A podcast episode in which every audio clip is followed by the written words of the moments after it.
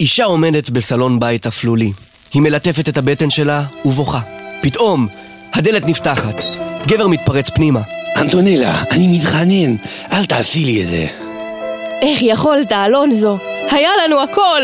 זאת הייתה טעות. לא עמדתי בפיתוי. אל תזרקי את כל מה שהיה לנו לפח. אליחנדרו הקטן היה החלום שלנו מאז האירוסין. המצלמה מלווה אותה כשהיא משפילה מבט בצער. אלחנדרו, אלחנדרו לעולם לא יראה את אור היום, אלונזו. קלוזאפ עליו עמום, קלוזאפ עליה עצובה, אבל קצת מסופקת. מסך שחור, כתוביות. מתים לדעת מה יקרה, כבר לא יכולים לחכות? אתם כנראה לא לבד.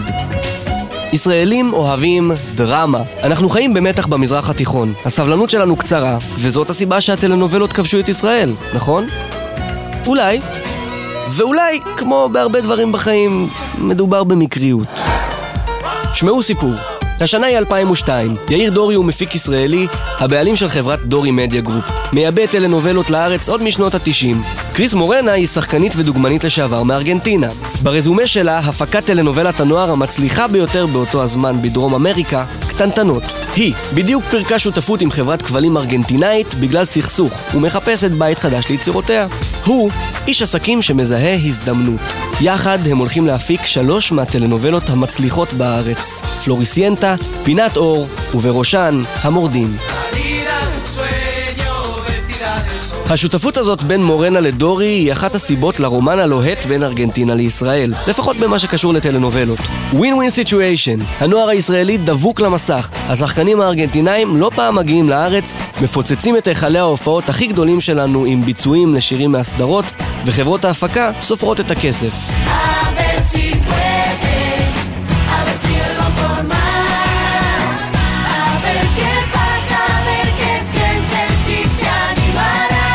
במקביל למצב ההזוי שהתחיל לתפוס תאוצה בארץ באותן שנים, ובו כל ילד רביעי דובר ספרדית שוטפת, החלו הישראלים לזהות את הפוטנציאל. נדמה לי שמזמן נגעתי באושר.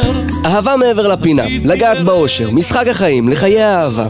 למעשה, בין השנים 2001 ל-2003 יצאו רוב הטלנובלות הישראליות המוכרות לנו. ולכל אחת, חייבים לתפור שיר מתאים. וכשאנחנו אומרים מתאים, אנחנו כמובן מתכוונים לקיצ'י, דרמטי, גדול מהחיים.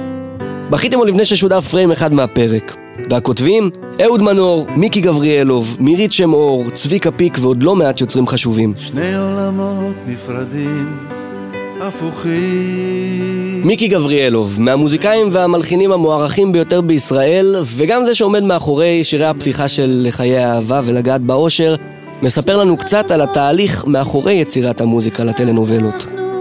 כשאני מלחין, אני מתייחס לשיר כמו שהוא. במקרה הזה פניתי אל אהוד מנור ז"ל, כי חשבתי שהוא יתאים לכתוב את המילים. יש שם מילים כמו בשיר לגעת באושר, אהבה הורגת אושר ואושר הורג אהבה, שבהפקה לא כך הבינו על מה הוא מדבר העניין, זה העניין של טלנובלה. הרבה אהבה, אושר, מוות, חיים, וככה התייחסתי לזה. עד תחילת העשור הקודם, הטלנובלות לא הפסיקו להגיע. לרגע נראה שמאז, טלנובלות הן נחלת העבר. שהתאוששנו מהזוגיות on and off של תיאגו ומר מכמעט מלאכים, שהדמעות כבר יבשו מהמוות הטרגי בטרם עת של סיגי באלופה. אבל ב-2018, שנים אחרי הפלישה הארגנטינאית, הכלה מאיסטנבול שאבה את הרעיון הזה מהראש שלנו והחזירה את כולנו לספות ולממחטות. והישראליות, ממש השנה עלתה אחת חדשה בשם בעלת החלומות. ככל הנראה המלודרמה לא הולכת לשום מקום, וגם לא השירים המוגזמים ביותר שנוצרו אי פעם.